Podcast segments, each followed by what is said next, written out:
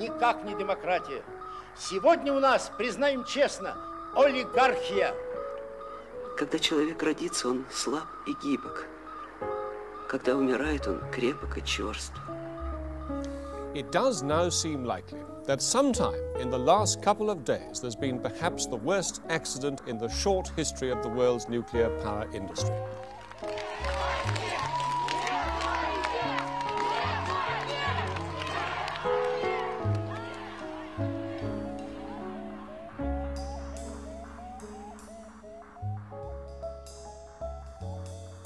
Kæri hlustendur, gestur minn í dag er Árni Þór Sigursson, sendi herra Íslands í Moskvu. Árni Þór, verður velkomin í þáttinn. Já, takk fyrir það. Þú tala við okkur frá uh, samt í Pétursborg, er það ekki rétt hjá mér? Jú, ég sleppur það eins og er. Það er svolítið eins og að tala við manneski sem er stödd í ævintýri eða einhverjum hliðar veruleika Pétursborg er náttúrulega taurum slungin borg og ég læriði þarna sem námsmaður en veit ekki hvort og hvenar verður hægt að heimsækja þessa mögnuðu borg aftur. Getur aðeins líst fyrir okkur veðrinu og bæjarbragnum og stemningunni? Já, það er nú svona aðeins farið að voru hérna, reyndar ekki dóskaplega slíkt, það er ekki nema svona tíu gráður eða svo, en sólinn farin að skína og, og það verið heiður heiminn og og eins og þú segir sjálfur þá er þetta áskaplega falleg borg að heimsækja. Ég komi hérna sjálfur mjög oft e, og e, mér finnst alltaf ánægilegt og, og gaman að heimsækja þessa borg. Það er mikið hér af fallegum byggingum og þetta sagan og bókmyndin að hérna við hvert fótmál. Hvernig er þetta með nefu? Er, er hún eða þá frosinn eða Það eru stakir smájakar á ánni en þá og á síkjunum en, en það er svona að, að gefa eftir. Þessir stöku ísjakar eru, eru ómútstæðilir. Það vita það allir sem hafa farið í Pétursborgar að ganga um og heyra brakið í þeim þegar þeir rekast saman. Nákvæmlega, það er svona, það er alveg sérstu upplifun. Já ég hérna bara fyllist ostalgíu á því að tala við þig. Og uh, á erfitt með að hemja mig hérna í, í stúdíónu erstaleiti en hérna aðsetur því það er í Moskvu. Og uh, ég er hérna tala um rúsa sem þjóð á, á krossgötum frá Íslandi. En þú ert stattur í Rúslandi og ert að upplifa þetta á eigin skinni Getur þú aðeins svona miðlað þessu til okkar? Hvernig þetta orkar allt saman á þig? Jú, þetta er þetta mörguleitum mjög sérstakt ástand uh, vegna þess að, að landið á í stríði en við verðum með samt ekki í höfuborginu Moskú eða í borgin svo hér Pétursborg þannig að á yfirborðinu uh, þá verðum við ekki alveg vörfið það að landið eigi í stríði. En undir niðri lítur þetta svo litið öðruvísi út. En mann fylgjast með fjölmiðlunum hér, umræðinni, þá eru þetta mikið verið að tala um það sem að hér í þessu landi er kallaði sérstaklega aðrakjart. Og þá er þetta fær maður svolítið aðra mynd og svo er þetta sér maður það, að það er mjög mikið af vestræðum fyrirtækjum sem eru farin úr landinu það standa auðar veslanir eða veslunarími í, í stórnokkuðum veru úrvalið hefur þetta breyst, það er ákveðna veru sem eru farnar, hann er Já, sælir. Hæ. Sæl, sæl Já, ok. En auðvitað verða með varum við það, að við verðum vörð við það að vöru úrvali hefur tekið breytingum, það eru ákveðna vöru sem að hafa horfið úr, úr vestlunum. Með að þegar maður svona skoða hlutina frá því sjónamiði þá, þá sér maður auðvitað að, að uh, þessi hernaður, uh, visskipaflinganir og annars slikt hefur haft áhrif á rúsnins samfélagi. Ég vil þó að sé ekki tala um það mjög mikið uh, ofnbælega. En hvernig er þetta svona í samskiptum við fólk finnur þau þá fyrir spennu eða öðru slíku? Já, ég sko það í raun og veru má kannski segja að almenningur og fólk sem að ég og, og mínu kollegar erum umgangast tala kannski ekki mjög mikið um það sem er að gerast um ástandið lítið um pólitíkina vegna þess að við sjáum að það er treynt að málfrælsinu, það er uh, hertar uh, aðgerðir, til dæmis bara ressulöggjöfin ef, ef að fólk uh, tjáir sem er til þetta hætti þannig að það er mjög margi sem bara kjósa að gera það ekki. Tala helst ekkit um, um þetta ástand en, en ef það eru einstaklingar sem að þekkir vel að þá verður maður auðvitað var við það að fólki líður ekki vel með þessa þróun, þetta ástand þessa þróun. Nei. Þú lést eftir þér hafa í mars 2022 uh, þetta og þá áttu við sagt, stríðið og, og það sem að skapast að því. Þetta verður áþreifanlegt þegar að fjölskyldur fá sendar kistur heim. Er þessi stund uh, runnin upp? Og það er það sem að, að eins og þetta blasir við mér og fleirum sem erum hér og þá er þá er lítið farið að bera á því ennþá vegna þess að þeir sem hafa verið kvattir í, í herin og sendir á vývöldin, það er ekki ung fólk, uh, ungir menn frá inn í stórum villistjættir Úslandi, það er ekki þeir sem koma frá Moskvu, Pétursborg eða öðrum, öðrum stórum borgum.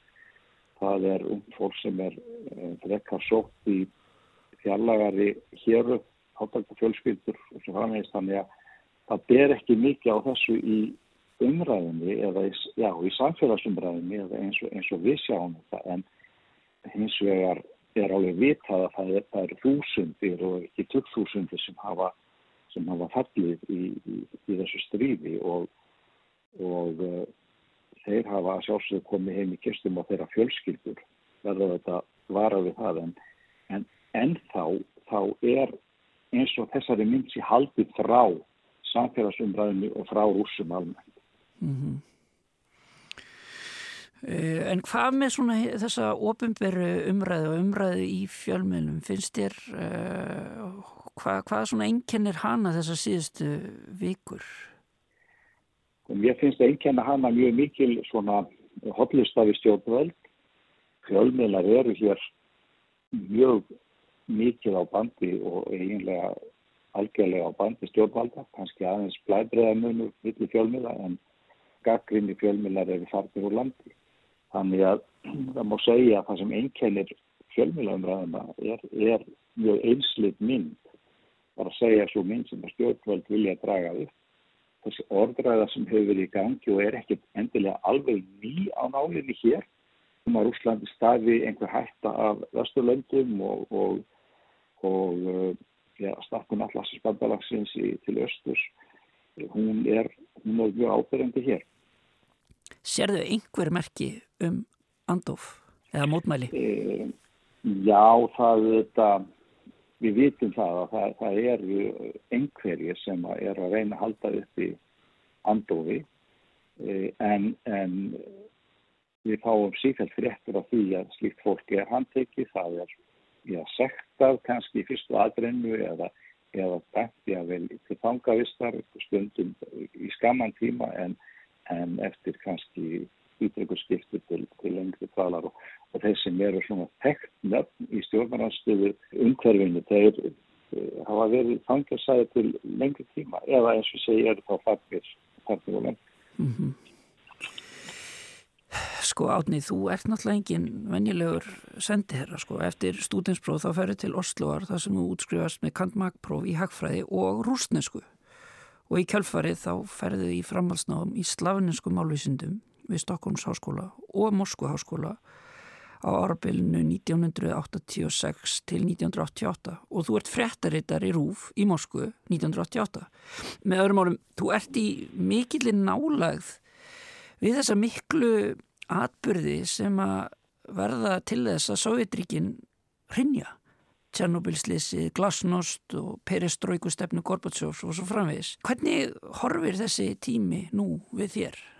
Já, sko, ég, í raun og veru, þá byrja ég svona að horfa á á þetta svæði Sovjetrikinn og söguna hér í, þegar við erum mentaskóla þá voru við félaga sem ákváðum að taka rúsnesku sem valgrein þegar það byrst áhuga á samfélaginu að sjálfsögðu og, og, og stjórnmálafróun eh, og svo, svo síðar bókmyndum og, og tungumálinu.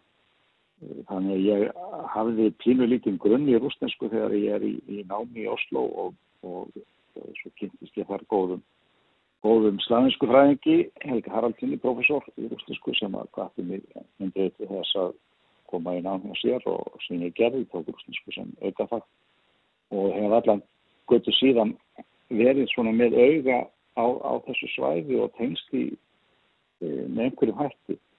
Kom hér að fyrst 1984 til Moskvu og, og síðan starfaði ég sem leðsumar á Moskvi ferðarsystu og kom mjög oft uh, á þessu nýjönda áratug og var síðan eins og segir eftirlega í Moskva háskóla um tíma og réttarittari og það var auðvitað mikið gerjum í sovjasku samfélagi á þessum árum sem að Gorbachev er við völd e, Já Þetta er nú bara að fara að verða eins og í gamlu fóðuríkjum sko.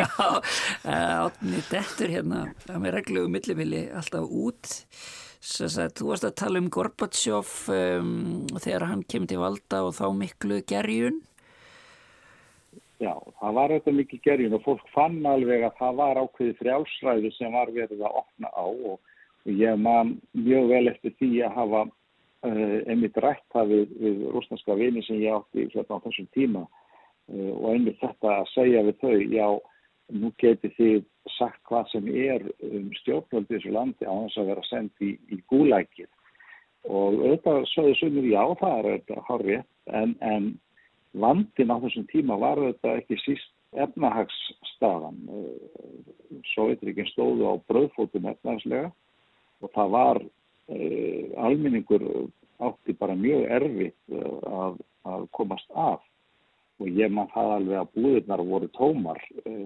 að miklu leiti. Það var kannski til pilsa í dag og smjör á morgun og ostur þriðadaginn og maður bara kefti það sem var pyrt. Þó að Gorbachev hafi í fyrstu verið tekið mjög vel í sovjölsku samfélagi, þá fór að fjara undan því þegar efnhæsumbætundar leta á sér standa. Uh, og, og fólk sagði við mig, já, já, við getum sagt hvað sem er, en búðunar eru tómar.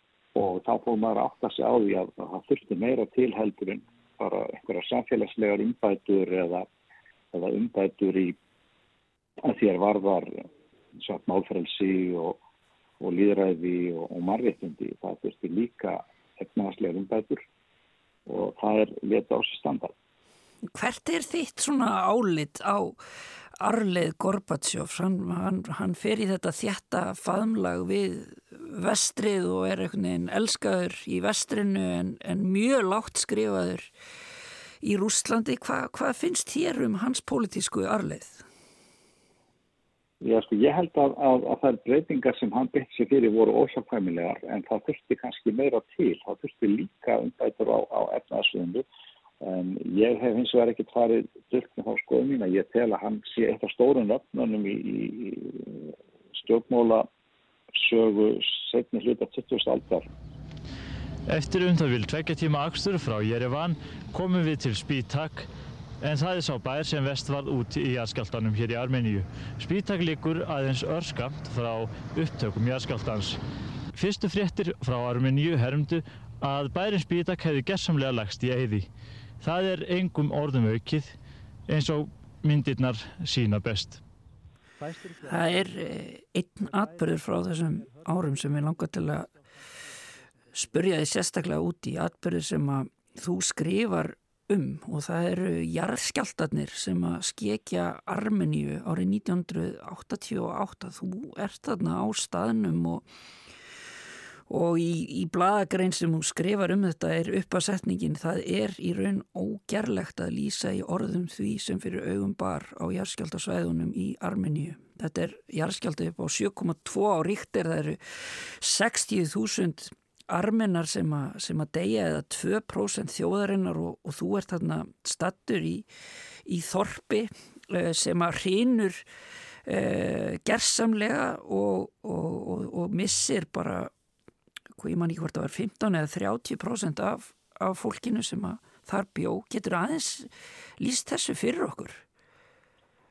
Já, það var þannig að ég var sem sagt uh, uh, að starfa þá sem frekkaritari ríkisútafsins hérna í Moskvu á þessum tíma þegar að þessi rættur er þessi stað í desember 1988 og uh, upplýsingadeild eða frekkamannadeild utarriksjáðansins hér í Moskvu ákvað að senda flugvel með erlendu frekkamönnum buðu nokkurum að fara niður eftir til Armeníu sem var þetta óveinilegt í raun og veru því að Sovjetikinn hafði svo lengi verið svo lokuð að það að bjóða vestrænum fjölmjölamönnum að fara á vettvang á, á, á svona, við svona atbyrg var þetta alveg, alveg nýtt að nálinni og, og þetta var bara afurðin af, af opnunastefni Gorbatsjós. Við fórum í þetta Gorb spítak sem að uh, var, var í Já, er þið núna það? Já. Já. Kostulegt. Þú varst að segja að við fór... þetta sko eins og þegar ég var að senda fréttir frá Moskva þessum tíma sko maður fór í, í, í símstöðum og, og, og var kallaður upp því því eins og var í símstöðum í Danabæða sko, Reykjavík, Box 1 svo slippnaði nokkur sinnum sko þetta er bara eins uh, það var í raun og veru algjörlega ólýsanlegt að, að- koma í þetta í þetta þorp vegna þess að það hafi verið algjörlega lagt í rúst í þessum, í þessum mikla járskjálta en, en fróðlegt samt sem áður að sjá hvernig var unnið að uppbyggingu og hvernig var fjallað um þennan atbyrð líka í Sovjetríkjunum því að það var ekki venja að, í Sovjetríkjunum að segja mikið frá einhverjum svona handförum. Ég átti að síðan kostað að heimsækja þetta þorp bæði 2008 og, og svo aftur í fyrra og sjá hvernig það hefur byggst upp og, og, og þetta er bara alveg nýtt þorp því að það hefur byggt upp frá grunni en, en til dæmis 2008 þá, þá átti ég að finna borgarstjónum þarna og hann var að sína mér hvernig hérna þau hefur staðið uppbyggingu og, það var mjög áhrifamikið að, að, að sjá það og meðal annars hafði komið, hafði komið fjárstuðningur frá Norðurlöndum til þess að byggja upp heilsugjæslu og, og, og þess aftar þannig að, að já, það var mjög áhrifa, áhrifaríkt. Já, það er, hérna, það er einmitt magnaðar þessar myndir sem að fylgja bladagrinni. Einn þeirra sýnir þess að klukku sem að er í rústónum um, og þess að jarðskjaldin á sér stað klukkan 11.40 og að myndin er af rústónum og í miðjunni er þessi klukka og hún er stopp á 11.40 og svo er þannig önnur mynd, önnur mynd sem að sem að sýnir uh, líkistur sem að hefur verið hrúað á íþróttaleikvangin í Spítak. Það vakti aðtegli mína í, í þessari umfjölluna þá hérna, skrifaru og, og hér er ég að vitna í þig þegar að Gorbachev var í Armeníu. Sem sagt Gorbachev kemur og heimsækir svæðið og þú, þú ert að rekja það hvernig sagt uh, í, áður í Sovjetríkjónum að ráðamenn eins og viðu kendu ekki náttúruhamfarir og, og, og stórslið sem áttu sér stað langt í burtu frá Moskvu. En þarna er Gorbachev mættur á þetta svæði þar sem að jarðskjaldin varð og, og þú skrifar þegar að Gorbachev var í Armeníu let hann hafa það eftir sér að það væri förðuleg tilviljun að hús sem byggð voru á stjórnatíð Hrúsjófs stæðu nokkuð óskemmt en hús byggð á tíma stöðnunar, svo kalla stjórnvöld stjórnarár Bresnefs, hrindu eins og spilaborg. Það fór ekki fram hjá neinum að fórsetin var hér að gefa í skinn að byggingarsamþygtum hefði ekki verið fyllt til hlítar og of mikill sandur væri í steipunni miða við sement. Svo hugsun skýtur upp kollinum að ef til vill sé allt efnahagskerfið, já, jafnvel allt þjóðfélagið byggt á sandi. Mér fannst þetta svolítið merkileg tilveitnun. Já, þetta eru kannski þáttu stór orð en, en það var auðvitað þetta sem að, að hann var líka að segja Gorbatsjó e, bæði þarna og svo almennt þegar hann var að tjásið um samfélagsmála að þetta eh, tímabil sem að kallaði Bresni tímabili þegar hann var aðriður í Sovjasku kommunistaflokksins í 18 ár. Það hefði að minnstakosti síðari hluti þess tímabils hefði verið tímabil stöðnunar í Sovjetríkunum það hefði lítið gerst, það hefði litla framfærir orðir, litla refnaðsumbætur og, og náttúrulega ekki pólskumbætur og þetta var landlagsbylling og, og uh, kröfurnar eru þær að þá að framleiða eitthvað tiltekið og, og, og menn reyna að standast þar kröfur en fara kannski ímsa leiðir til þess meðal annars að, að svíkjast um eins og, eins og þarna varum að ræða.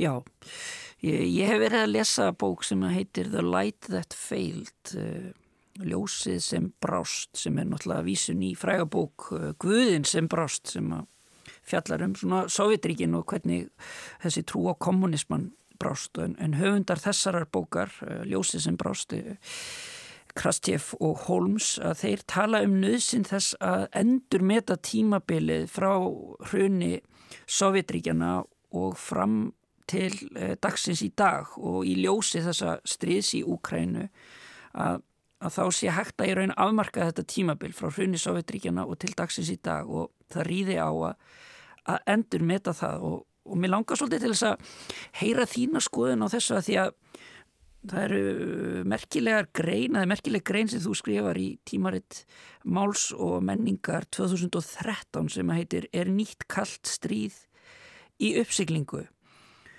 Og hver, hver er þín svona skoðun á þessu hérna tímabili? Og ertu sammála þessu sem að til dæmis Jón Ólafsson talaði um hér í, í fyrri þætti að, að Sovjetríkin væru ekki hrunin heldur væru þau enn að hrinja Já, sko, eh, það hefur mikil umræði verið líka eh, með sagfræðinga, stjórnmálafræðinga, já, fræðimanna um kaldastriðið og hvort það sé í raun og veru komið aftur núna og, og um, þá skiptir kannski máli hvernig með skilgreina kaldastriði. Ég hef svona þá tilhengu til þess að lekar að horfa á kaldastriði sem ákveði tímabil frá, frá eftir lokun sér heimstyrjöldar og fram að að hruni Sovjetrikina eða raun og veru fram að hruni Mursins sem er 1989 ölliti áður en að Sovjetrikin hlinja og frekar að horfa á það sem tímabil frekar heldur en að það sé e, merki um eitthvað tiltekið ástand í samskiptum östus og vestus eins og gætna var parað um vegna þess að á tíma kaldasturísins e, frá lokum heimstýrjaldar og, og gamla hruni Mursins þá þá skiptast þetta á skinn og skúri í samskiptum Sovjetríkjum á Vesturlanda. Það er stundum svo kvöldið þýða og síðan verður, verður frostin á milli og það sama má segja um tímabilið frá 1990 til dagsins í dag.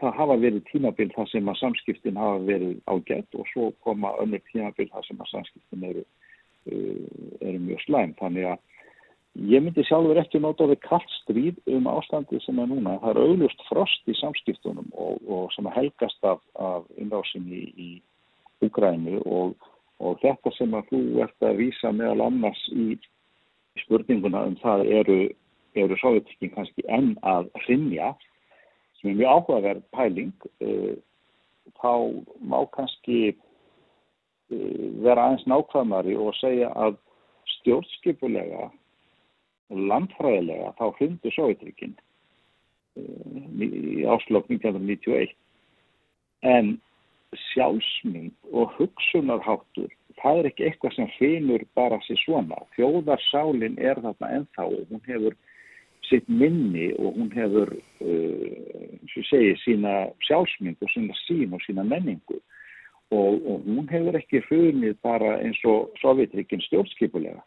Eh, og að þessu leiti til eh, tek ég undir með, eh, með Jón Ólarssoni svo, svo er til dæmis mikilvægt að hafa í huga þessa hugmynd russa sjálfra um Russland sem stórveldi. Ég líka að gera rafa sem er mjög rík í rúsnesku þjóðarsál að Russland eigi og hafi sérstaklega Wow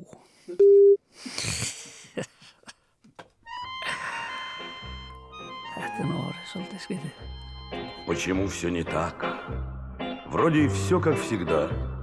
То же небо, опять голубое, Тот же лес, тот же воздух и та же вода, Только он не вернулся из боя. Тот же лес, тот же воздух и та же вода, Только он не вернулся из боя. Мне теперь не понять, кто же прав был из нас В наших спорах без сна и покоя. Мне не стало хватать его только сейчас, когда он не вернулся из боя. Мне не стало хватать его только сейчас, когда он не вернулся из боя. Он молчал не в попад и не в такт подпевал, Он всегда говорил про другое, Он мне спать не давал, он с восходом вставал, а вчера не вернулся из боя, он мне спать не давал, он с восходом вставал, а вчера не вернулся из боя. Hér heyrum við brott úr lægi Vladimirs Vysotskis On nie vernúlsja is bæja eða hans nýri ekki aftur úr stríðinu. Vinsaldir þáttarins Rús verðast hafa borist út fyrir landstinnana ef markam á gloppót talsamband við Árnað Þór Sigursson sendiherra sem stattur er í Sandi Pétursborg. Árni, er það hana? Já, sem sagt þessi hugning rússa sjálfra um Rússland sem stórveldi við líka hætti að safa, hún er mjög ríkri þjóðasálingi líta þannig á að Rússland hafi sérstöku fjöldarki að gegna og sé stórveldi sem að verða að taka alvarlega í, í alþjóðlegum samskiptum. Það er mjög rík upplifun hjá rússum að, að, að það hafi ekki verið raunin. Það fór svo auðvelt einhvern veginn að grýpa einhvern blóraföldul eins og Vesturlönd og segja að þetta er allt Vesturlöndum að kenna. Í staðin fyrir að horfa aðeins inn á því og segja hvað höfum við gert? Höfum við staðið okkur sem skildi þeir sem þekkja þessa stjórnmóla gróin og stjórnmóla umræðu hér í, í Rúslandi þekkja til dæmis segja, tíund áratugin sem að margir rúsa kalla hinn glataða áratug þá voru þetta ymsar undætur hér í gangi en efnahagslega stóðu landið á miklum bröðfótum og átti mjög erfitt og, og þá verða ákveðna breytingar um nýjan tíunda áratíðin. Það er bæði efnahagslegi þættir sem þar koma inn en líka þróun á alþjóðasviðinu, Jugoslávíu stríði, stakun allars bandalagsins, allt hefur þetta áhrif á umræðuna í, í Rúslandi og hvað hvernig þeir líta á sig sjálf hvernig Rúsland hefur eða Rúslandi hefur vegnað í, á alþjóðasviðinu. Já, þú talar um þetta, kallar eftir að rúsa líti meira inn á við en er það ekki líka þannig að Vesturlönd þyrtu að líta meira inn á við og nú er ég aftur að vísa í þessa bók uh, Ljósið sem brást en þar eru Krastjef og Holms að að gaggrína þetta hvernig sagt, vestrænt líðræði verður einhvern veginn eftir hrun Sovjetríkjana hið eina markmið og tala þarna um endalók sögunar eh, samkvæmt Francis Fukuyama þar sem að mannkinsögun er í raun bara lokið með sigri vestræns líðræðis sem að er loka takmarkið sem að allar þjóðir ætti í raun að stefna að og þessar þjóðir sko fyrrum sovjetlýðveldi að jú, sovjetríkin hrinja en allt uh, unga fólki sem barðist uh, fyrir því að fyrir frelsun þessar þjóða það fer til Vestur-Európu að vinna. Þannig að, þannig að það verður sko eins konar heilablóðfall í öllum þessum löndum bara svona það sem við kalla brain drain og, og eftir stendur fólk sem að, sem að er mjög biturt og segir sem svo, já, já, ég, hérna, þá er það bara við sem að erum þjóðin og þá sprettur upp þessi farvegur fyrir þessa, þessa þjóðirnishyggju sem að síðan tröllur íður öllu. Já, það er alveg, alveg rétt og réttmætt að, að, að halda því fram. En kannski er það einmitt vegna þess að fólk þegar það horfir inn á því, horfist í auðvið sjálfsög, þá, þá sér það að það hefur hefur sjálf einhvern veginn mistekist en auðvelt að kenna einhverjum öðrum um og, og, og það er eins og segir, það getur orðið uppspretta uh, svona þjóðartins higgu. Það má vel halda því fram að, að Vesturlund hefði geta gett ákveðna hluti öðruvísi, ekki síst á tíunda áratöfnum þegar að uh, kjölfarið á, á hlunni Sovjetíkjana. Það voru þetta margir í byrjun tíunda áratöfnins í Úslandi, meðal hans Jeltsín, þá var þetta fórseti sem að hafði hugmyndir um það að Rúsland myndi einhvern veginn ganga inn í, í samfélagi Vesturlanda jável taka þátt í stofnana kerfi Vesturlanda eins og bæði Europasambandin og jável NATO. E, þó það hafi nú verið umdelt í rúsneska stjórnmálum en, en, en hann og margir í kring og hann voru þeirra skoðunar og, og ég hugsa að, að það mér halda því fram að ymsi stjórnmálumenn á Vesturlandin eða lands í Bandaríkjum hafi líka verið þeirra skoðunar að það gæti gæst en það yrði samt að gerast á forsændu Vesturlandana og þar held ég að munurinn likið til dæmis í Rúslandi annarsvegar og öðrum Östur-Európaríkjum sem að sem að voru hluti af ja, þetta verður eitthvað fróðlegt að klippa. Já, við vorum um þetta gríðast með þetta. Þetta þurfti eiginlega frekar að vera bara á TikTok sko, bara lítil brot með þér. Já Já, ég, ég held sem sagt að það líka ákveðin umur þarna að, að Östur-Európu þjóðurna sem að aðrar en Rúsland sem voru hluti af, af þessu valdabattar í Vassjábandalagsins og Östur-Európíkjana þær voru reyðbúna til þess og vildu ganga inn í vestræna stofnanir og taka þátt í vest, samvinni Vesturlanda á þeim forsendum sem að þar voru. Og það eru þetta lita ásins sem Európu þjóður eh, sem eru þetta eru á meðan að í Húslandi var, var uh, afstæðan önnur, hún var svo að vilja taka þátt í stofnana samstarfi og samstarfi Vesturlund en á öðrum forsendum þar að segja að Rúsland geti komið inn á einhverjum sínum forsendum um Rúsland sem stórveldi. Mm -hmm. Förum nú aftur, fyrir svo fram hérna til uh, innlimunar krímskaga mér finnst það svo áhugavert að, að 2015 að þá gefur þú út bók sem að er uh, lokareitgerð frá þér sem að heitir Lost in Annexation The Causes of Russia's Foreign Policy Choices in the Crimea sem að sagt, fjallar um þessar ástæður uh, í auðaríkistefnu rúsa sem að réttlæti þessa innrás Eh, á Krímskoða. Hverjar voru þessar ástöður? Getur aðeins komið aftur að þessari bók og, og hvaða augum þú lítur á hana í dag?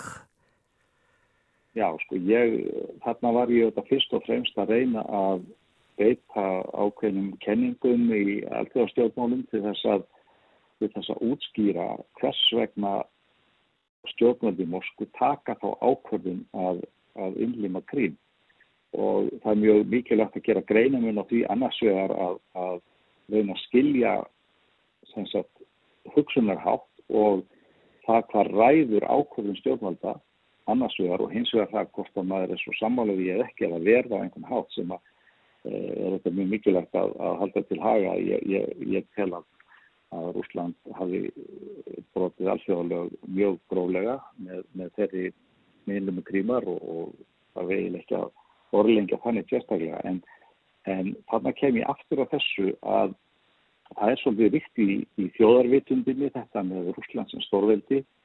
Utaríkistætna Rúslands hún e, endur speklar eða á sér rætur í innaríkispolítík og hún er ekki bara rekin í samhengi við e, alþjóða politíkina sjálfsvitu Já. Já, þú varst að tala já, um sjálfsvitundina. Sjálfsvitund þjóðarinnar, þessi, þessi sín á Rúsland sem stórveldi. Ég tel að það sé ákveðin félagslega mótun sem að liggur þar að baki. Og frá mínu bætirum séðar, við horfum á, á, á það sem hefur gerst síðan, þá, þá er það í raun og veru framhald af þeirri svona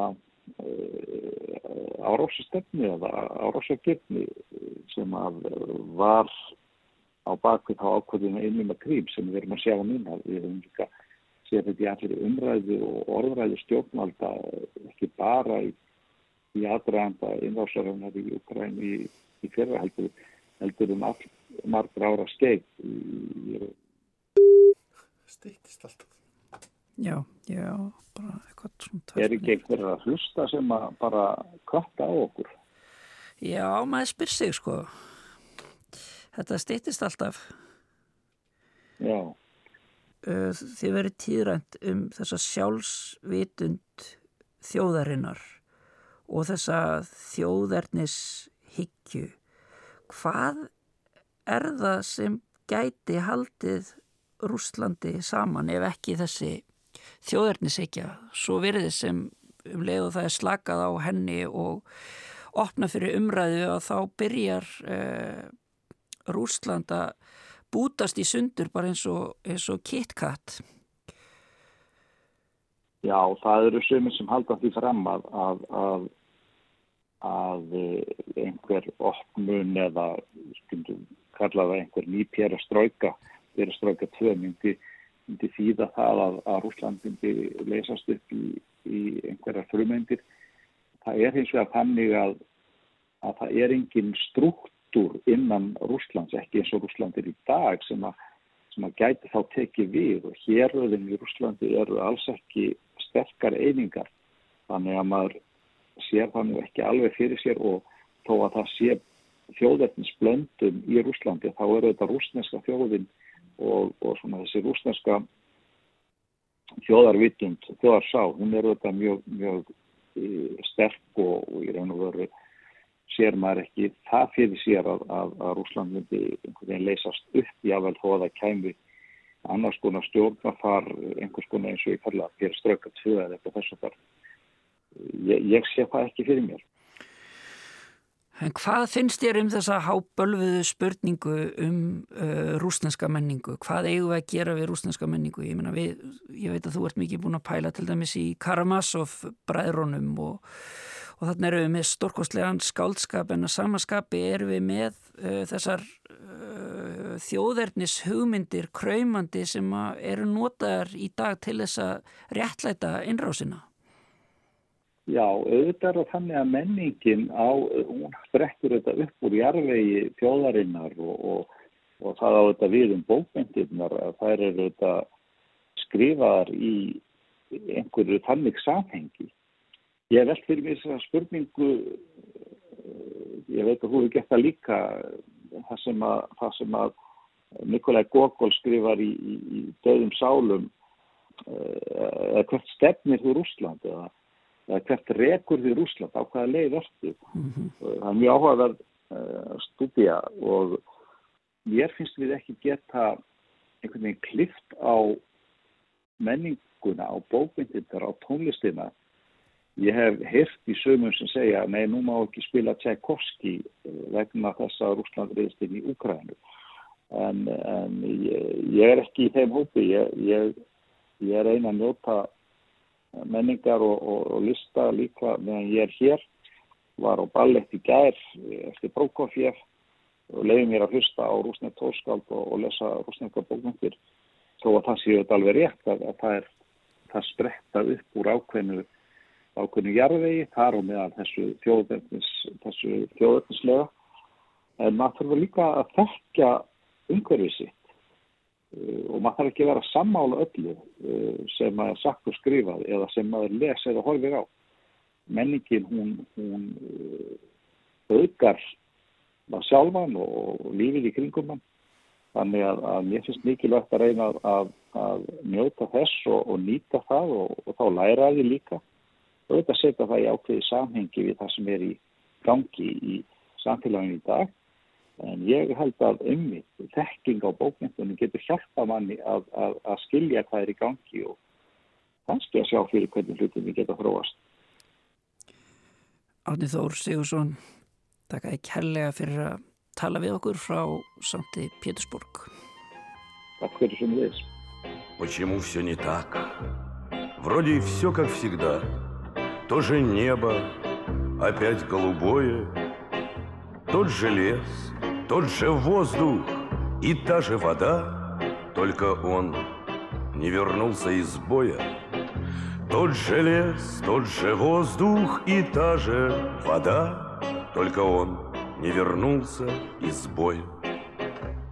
Мне теперь не понять, кто же прав был из нас В наших спорах без сна и покоя.